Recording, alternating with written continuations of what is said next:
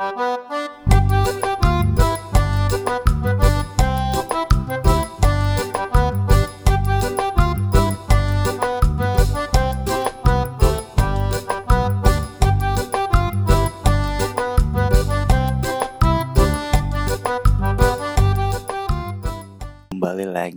Bersama saya dan partner hati saya di diskusi Picisa. Eh, Di diskusi kali ini, setelah dua konten kita, Tiga. ya tiga konten, dua di antaranya, dua di antara sebelum podcast ini adalah kita membahas hal yang tidak serius. Kali ini kita akan bawakan diskusi secara serius, diskusi secara serius. Camkan itu.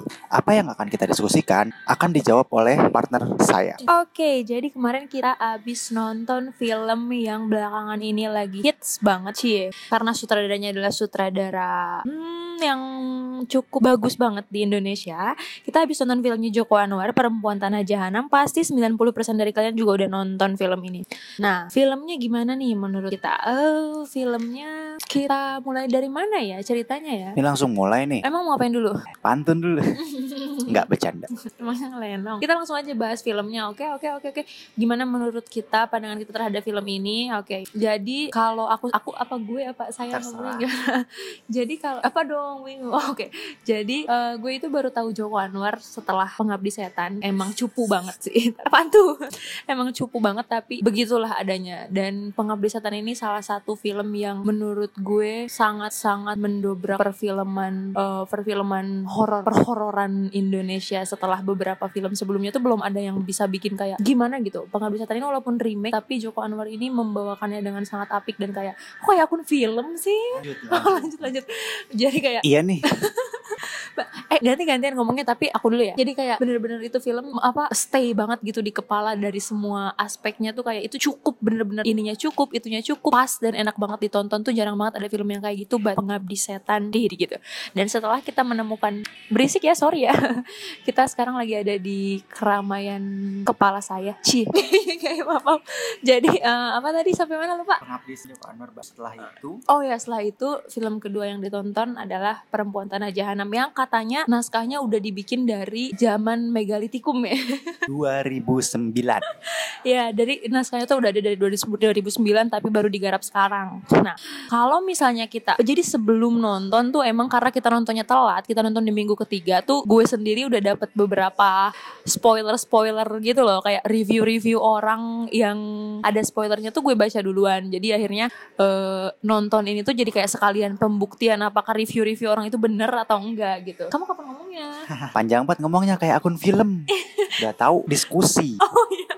Mana diskusinya? ini, ini kan lagi dada tar dulu. Kan kita review dulu awalan ya. Nah, terus eh, film ah, apa tadi lupa kan dan lupa memang lupa mulu dah. apa tuh? Oh ya review, review orang. Nah, jadi beberapa dari review yang gue baca tuh katanya mereka kurang puas dengan endingnya kayak gitu. Gitulah. Setelah kita berdua nonton dan ternyata gue pun merasa begitu gitu. Kayak eh, ini film bagus ya namanya juga Joko Anwar ya gak sih? Apanya tuh yang bagus tuh? Kayak sinematografi tuh udah nggak usah dipertanyakan lagi. Kamu dong ngomong dong, apanya aja yang bagus? Tone, suasana, Yes. eh, namanya apa tuh? Latar, tempat. Yes, yes. Dia bilang dia syuting di tiga hutan berbeda dan itu kena karena buat gue pribadi itu menyentuh sisi ketakutan gue paling dalam yaitu kesepian hutan, lari-lari sana sini, desa yang Dia abandoned. ngebayangin KKN Desa Penari. Iya, karena Joko Anwar bilang itu syutingnya di Banyuwangi kan pikiran saya ke mana-mana. Iya, itu kawah Gunung Ijen, cuma terpencil banget dan emang terpencil. Bahkan dia sampai buka jalan sendiri. Jadi itu nambah sebuah apa ya? Itu benar-benar pekerjaan yang luar Iya, biasa banget iya. dari segi Niat banget. penyutradaraannya tuh mantap banget. Penyutradaraan dalam bukan bukan di aktor ya, tapi di situ tuh. Iya. Kayak dan denger-denger tuh emang dia tuh emang sangat nyeriusin lighting sih. Jadi kayak itu nggak main-main emang. Jadi kayak gelap, tapi gelapnya masih enak di mata gitu loh. Kan biasanya ada film-film yang tonnya tuh gelap banget dan sampai sakit gitu nontonnya. Dan itu enggak, itu tuh pas cukup mencekam tapi nggak nggak nggak bikin pusing gitu ya. Jadinya enak banget nontonnya dari segi apa tuh namanya? Visual, visual. Ya, itu kan dari Visualnya bagus banget kayak siapa ya mau nyebutnya John Jungkook ya. Terus? Kalau dia barusan bahas segala macam. Eh gue sih pribadi aja ya, nggak usah objektif objektif banget kayak akun film. Ini bukan bukan podcast review film. Iya, penilaiannya seolah-olah belum kok belum ngasih nilai. Lanjutin lanjutin. dari penilaiannya. Jadi kalau gue pribadi itu apa namanya warna film suasana yang timbulkan. Oh ya satu lagi mau ngasih tahu ini film itu minim jump scare, minim Gua banget. enggak. Masa? Iya. Kita maksudnya enggak sih, iya sih, enggak ada yang bener-bener ngagetin tapi Iya. kayak kita tuh bener-bener dikasih scoring, dikasih Iya. apa-apa yang bikin kita aduh anjir nih abis ini datang nih abis ini datang nih gitu Iya, Tapi scoring kan bukan enggak. jump Iya, scare. tapi kan harusnya berakhir di jump scare. Jadi kayak ya Tidak. jump scare-nya sih, cuman kayak ya udahlah. Pokoknya ini dia bukan apa mendobrak film seperti kata dia dan jump scare-nya sangat sedikit cuma setiap adegan, setiap movement kamera, setiap apa ya pergantian pergantian latar itu kayak mencekam banget buat gue pribadi karena ya ya itu scoringnya sih scoringnya scoringnya bikin kuping gue parno gitu kuping gue sampai nutup sendiri pokoknya Iya, padahal eh, bagian- enggak muncul, Iya, tapi iya. itu dibikin soal jadi takut sama hal Iya. yang bukan setan. Iya, takut sama oh, sama orang aja. Gue film itu berhasil bikin gue takut sama orang. Ketika biasanya di film-film horor biasa ketemu orang adalah hal yang tidak menakutkan, Hmm. tapi di sini ketemu orang jadi pengen tutup mata. Padahal itu orang dan kita Iya. tahu itu itu nggak akan ngapa-ngapain, cuma ada aja. Tapi kayak wah parah sih bagian-bagian kayak gitunya. Kalau gue pribadi sih lebih. Kalau aku pribadi, ini aku Iya. ngomong sama kamu ya. Iya, iya. Kalau aku pribadi sih lebih yang kena di bagian visual apa Iya. Namanya tone lampu sama scoringnya secara secara cerita iya itu mendobrak Iya. secara ini Mendobrak apaan? mendobrak feel Enggak. apa gitu deh gitu deh mendobrak hal-hal yang tidak lazim Iya. lazim sih cuma dikemasnya sangat Oh iya iya. Baik, oh, dikemas secara sangat apik. Iya. Oke oke. Aku dong aku dong. Kalau tadi dia membahas tentang apa tuh kamu tadi? pendapat pribadi iya maksudnya. Tapi bahas ke hal-hal yang berhubungan dengan visual dan apa yang terlihat dan apa yang dirasakan. Eh, sekarang gue akan melihat eh, ini. Nggak tahu ya kenapa tapi kayak dari dari Gundala. Oh iya kita kan nonton Gundala juga ya. Ini film ketiga Joko Anwar berarti yang kita tonton. Dari Gundala sampai sekarang tuh gue ngeliat eh, terkadang beberapa tokoh yang nggak terlalu besar itu eh, actingnya tuh nggak digarap banget gitu loh. Apalagi di Gundala ini kelihatan banget sih. Tapi kalau di sini sih nggak terlalu kelihatan. Jadi kayak ada beberapa kadang ada beberapa jomplang antara aktor utama sama beberapa aktor tambahan. Padahal kayak sayang banget gitu. Yang tambahan pun seharusnya bisa bener-bener nyampe ke kita perasaannya apanya segala macam tuh. Nah terus beberapa salah satu yang disorot banget itu adalah Asmara Abigail. Itu bener-bener disorot banget di film ini. Entah kenapa mungkin karena kerasa nggak ya? Karena itu kali ya. Tapi kayak tapi emang iya sih dia di sini mainnya bagus. Tapi karena emang harus bagus gitu seorang aktor emang mainnya harus bagus. Cuman ya itu dan masalah ending yang kita bahas tadi yang gue bilang gue kurang suka itu karena ini bener-bener tipikal horor 2000-an yang kayak sebenarnya sampai sekarang pun horor masih gitu sih kayak ketika apa nih jadi tuh ketika kita dari awal sampai tengah sampai hampir akhir udah menikmati perjalanan si tokoh utama ini ada apa ada apa ada apa endingnya ternyata dia tiba-tiba dapet ilham terus kayak tahu apa yang terjadi gitu tiba-tiba gitu kan. Tiba-tiba dapet penglihatan gitu dapet vision gitu kan. Sama aja kayak di salah satu film yang dia tiba-tiba nemu sisir pas megang sisir itu langsung tahu segala segalanya gitu kan kayak sayang banget pengolahan endingnya mungkin maksudnya di situ kali ya. Tapi ya nggak apa-apa kalau kita balik lagi ke dia nulis naskah ini di tahun 2009 ya nggak masalah. Maksudnya sekarang kan horor kan udah bermacam-macam banget ya entah itu penyelesaiannya entah itu permulaannya. Tapi kalau emang ini naskah lama dan yang baru digarap sekarang it's okay dengan ending kayak gitu. Ini masih harus banget patut diacungi empat jempol. Terus apa lagi? Kalau dia ngomongin ending aku di sini ngomongin intro film ya. Intro awal dari film itu. Awal film itu memang hmm, ini nggak nggak gue nonton film ini nggak dengan ekspektasi review reviewer review luar sana. Mengosongkan aja kayak mau ngeliat aja apa sih yang bagus apa sih yang jelek Hmm. nggak mencoba langsung ngejudge sebelum ngeliat jadi santai. Emang aku ngejudge. Enggak. Emang ngomongin kamu GR banget sih. Apaan sih? Ya dia emang suka gitu guys. Gitu ya. Jadi eh, untuk awalnya itu emang beneran udah mencekam ya udah di set se- se- secara apa ya bagus banget Aku gitu. mau cut, tapi di bagian awal ini entah kenapa gue sedikit kurang serak sama es actingnya Mbak Tara. Nggak tahu kenapa, maaf ya Mbak Tara, tapi kok kamu kayak kurang dapet gitu di awal ya. Tapi ketika udah ke sana ke sana ke sana itu mantep banget sih kayak obrolannya tuh kayak ya nggak nggak jadi. Ya mungkin belum dapat karena itu settingnya di jalan tol bukan di hutan. Di hutan kan takut beneran mungkin di jalan tol jadi segala macam. Tapi awalan yang apa ya bagus, ya bagus beneran bagus gitu gimana? Eh, gua gua gua udah takut sama orang di semenjak awalan itu. Jadi pikiran udah ke mana-mana ini akan diapain ini kok bawa-bawa golok orang dan naro naro apa? ya, Naro set, naro lokasi di apa? di pintu tol itu sangat sangat out of the box ya. Kaget aja gitu tiba-tiba itu orang lewat itu orang berhenti ngeluarin golok. Walaupun pesan apa namanya inti adegan itu bisa dikemas dengan cara lain dan udah banyak gitu kayak kamu ini kan kamu dari sini kan kamu dari sini kan. Terus pemeran utama nggak tahu apa-apa. Tapi pengemasan ala Joko Anwar itu yang di jalan tol dia diteror dia sendirian di tengah jalan eh, dia sendirian di pintu tol bertugas. Cum- temannya cuma temannya di ujung telepon. Itu banget. mencekam banget sih kayak apakah itu yang dirasakan penjaga pintu tol di luar sana. Ketika dia harus menjaga jam 3 pagi nggak ada siapa-siapa sekeliling dia lalu ada mobil yang ya nggak tahu mungkin di luar sana ada cerita si penjaga pintu tol itu ketemu mobil yang isinya depannya orang belakangnya apa ya kan? Bisa jadi film tuh cerita kayak gitu. Jadi di situ di situ dapat dapat banget sih feelnya terornya. Iya. kalau untuk acting kata Tara Bersa yang kurang ya mungkin gua nggak fokus ke situ ya. Juga nggak? Enggak ya? nggak ngeh nggak ngeh karena fokus utama aku Iya, pas ngelihat itu Teku Rifnu Wikana itu. Iya dia bener-bener still the stage gitu loh. Banget dia ngeliatin aja itu bagus banget parah itu. Dia ngeliatin dia turun bawa parang. Eh BTW dia habis menang apa tuh? menang apaan? Sayembara apa tuh? Kata kamu dia pemenang sayembara. Tahun 2008 Eh, Dia eh sa- bukan sayembara apa? FTJ penulis naskah terbaik So, gokil dia emang basicnya teater sih makanya mungkin dapat banget kali ya. iya kita juga basic teater jadi produser film yang dengerin ini mungkin bisa gitu ya. Bisa. Iya, aku nggak suka aktingnya Mbak Tara for a reason. Jadi nggak jadi deh bohong. dia mau gantiin Mbak Tara katanya enggak enggak enggak enggak bagusan Tara jadi gitu itu bagian yang paling gue highlight di sepanjang film awalan sama ketika di desa Jahanam itu Mm-mm. Jadi mungkin detail-detail nggak, gue nggak memperhatikan detail-detail. Tapi untuk bagian cerita secara luar lah, secara luar, secara penonton awam yang nggak ngerti apa-apa itu udah mencekam banget dari kesemutan, semutan, kesemutan, Smooth. Kehalusan, perpindahan adegan dan Iya. perpindahan Nah, emosi. itu, itu mah udah itu mah udah mantep banget sih buat seorang Joko Anwar tuh udah kayaknya masalah visual, masalah apa pun tuh udah kayak nggak perlu dipertanyakan itu udah mantep banget. Nah, jadi kayak kita benar-benar menantikan banget film-film selanjutnya entah itu horor, entah itu action lagi, entah itu romantis pun kita akan tungguin kalau itu yang garap Joko Anwar gitu. Nah, tadi aku lupa aku mau ngomong sesuatu tapi lupa apa ya apa ya? Apaan? Eh, dulu, ntar dulu. Ini kalau misalnya nanti kelamaan mikirnya di-cut dulu aja. Tapi, tapi aku bisa kan nge-cut di tengah-tengah. Sumpah-sumpah ngomong sesuatu. Oh iya, jadi sebenarnya awalnya kita itu mau coba ceritanya bikin bikin diskusi ini tuh eh, mengkaji perempuan tanah jahanam menggunakan pendekatan semiotika.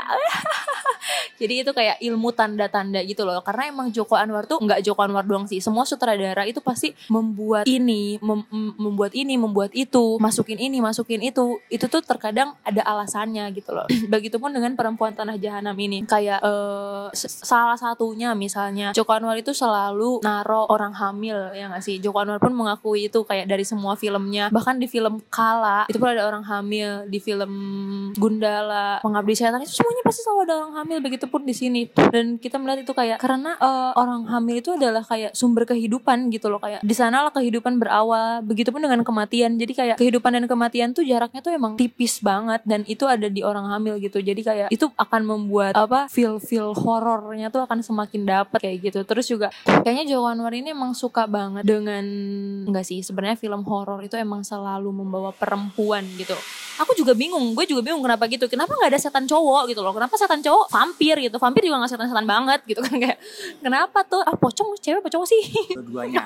pocong cewek bisa cowok bisa gitu tapi kenapa hantu tuh harus cewek terus sekali-kali ada kayak hantu cowok gitu kan kayak kalian tuh kok mainan gender sih gitu apakah perempuan sebenarnya lebih menakutkan daripada laki-laki atau gimana gitu atau ataukah perempuan hidup dengan dendam gitu apa gimana kenapa harus cewek tapi ya udah it's okay oh ya terus balik balik lagi ke perempuan tanah jahanam yang kita tonton kemarin itu endingnya dibikin itu masuknya gantung atau open ending ya? Atau atau gimana ya? Jadi tuh kayak setelah itu masalah kelar tiba-tiba si Nyimisni itu balik lagi dan dia makan orok. Makan orok yang belum lahir. Ini kita spoiler ending banget nggak apa-apa udah mau habis kan dari dari peradaban. Ya dari peradaban. Menurut kamu gimana? Apakah mungkin ada lanjutannya Kalau dilihat dari bagaimana cerita ini berjalan, lanjutan film ini nggak ada sih. iya benar nggak ada karena ya itu cuma mungkin Joko Anwar kepikiran gitu ketika lagi bikin film ah Iya. kita bikin gini aja biar plot twist atau gimana tapi Iya. kan ya apa ya kalaupun di dilogisin ke dunia nyata memang kadang ada yang kayak gitu kan kadang sesu- seorang yang mati dengan dendam Oh. balik lagi untuk menuntut Iya. dendamnya mungkin ini juga jadi kayak siklus gitu kali ya jadi kayak hal-hal kayak gini tuh akan selalu ada gitu jadi kayak bahkan ketika kita sudah merasa masalah kita habis kita ngerasa semuanya udah selesai ternyata ada lagi loh yang baru. Dan emang kalau kita kita pribadi sih ngelihatnya ini akan lebih bagus kalau nggak usah ada lanjutannya gitu kayak. Jadi kayak walaupun gue sempet sering dengar beberapa kali di telinga kayak ini kayaknya ada lanjutannya deh ini harus ada lanjutannya gitu. Kayaknya mending nggak usah gitu karena ya udah nggak usah aja gitu. Udah cukup kok dengan segitu ya. Iya udah cukup. Eh, Ngomongin siklus itu jadi gini Manusia hidup aja masalahnya nggak habis-habis. Gimana setan?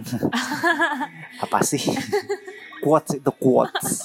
Manusia hidup aja masalah nggak habis-habis Gimana setan? coba tolong setan dijawab. Iya serem.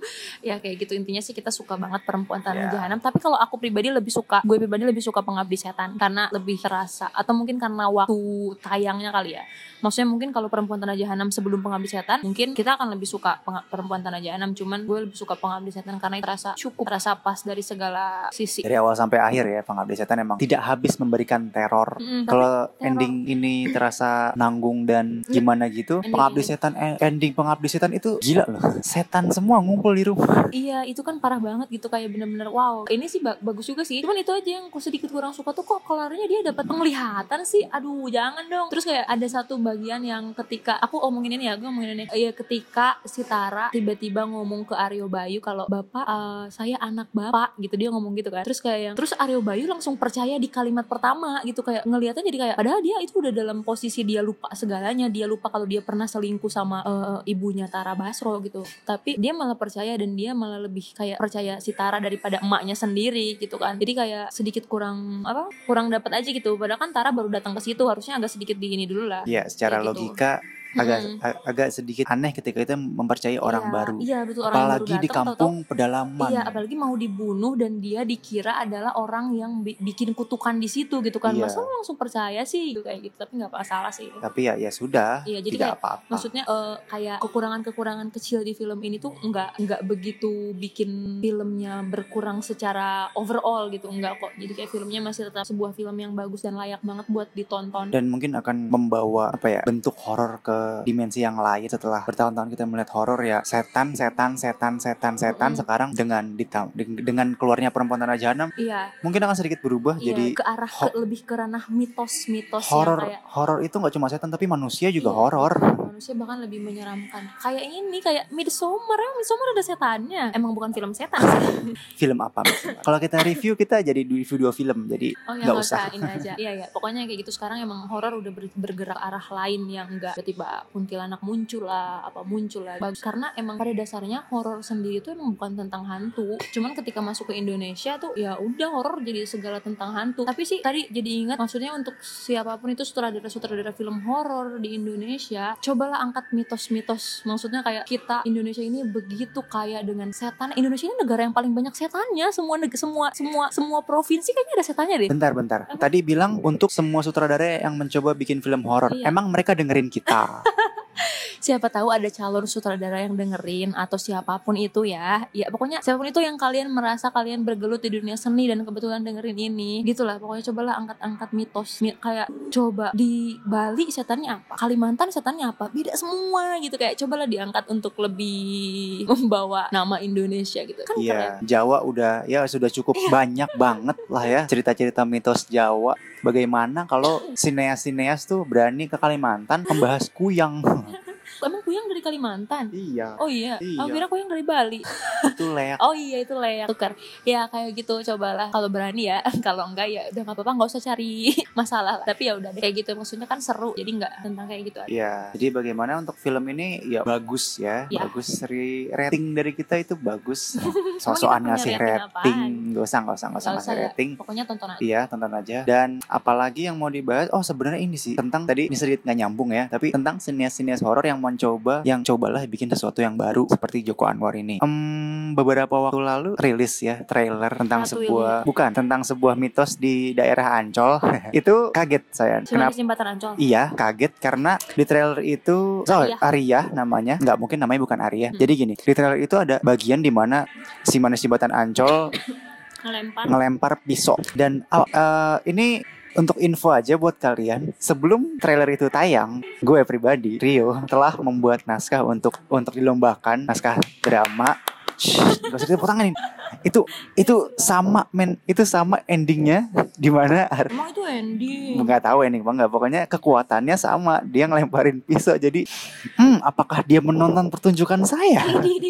Mungkin itu emang ini kali emang kayak ciri khas si manis jembatan Ancol tuh emang cara membunuhnya begitu atau gimana? Tapi lempar-lempar pisau ya. tapi ya tapi kayak kayak chef. Tapi ya udahlah maksudnya kita belum nonton itu ntar aja itu kalau mau di itu. Tapi itu salah satu upaya yang baik dari obrolan kita tadi berarti kan? Si manis jembatan Ancol ini kan salah satu mitos entah itu mitos entah itu emang beneran ada zaman dulu di daerah Kemayoran. Ancol. ya Ancol. Kelapa. Gading. Ya di daerah Ancol. Jadi kayak itu salah satu yang cukup bagus oke. Karena kita udah cukup panjang obrolannya semoga nggak ada yang kelewat dari apa yang kita pikirkan. Udah kok nyala kok. Oke. so we're about to end this podcast. Terima kasih. Setelah mendengarkan. Iya. Alhamdulillah kita buka obrolan serius lagi. Iya dan cukup panjang ya. Eh kita kurang bercanda ih. Apa-apa nggak apa-apa. Ya udah oke. Okay. See you. Terima kasih.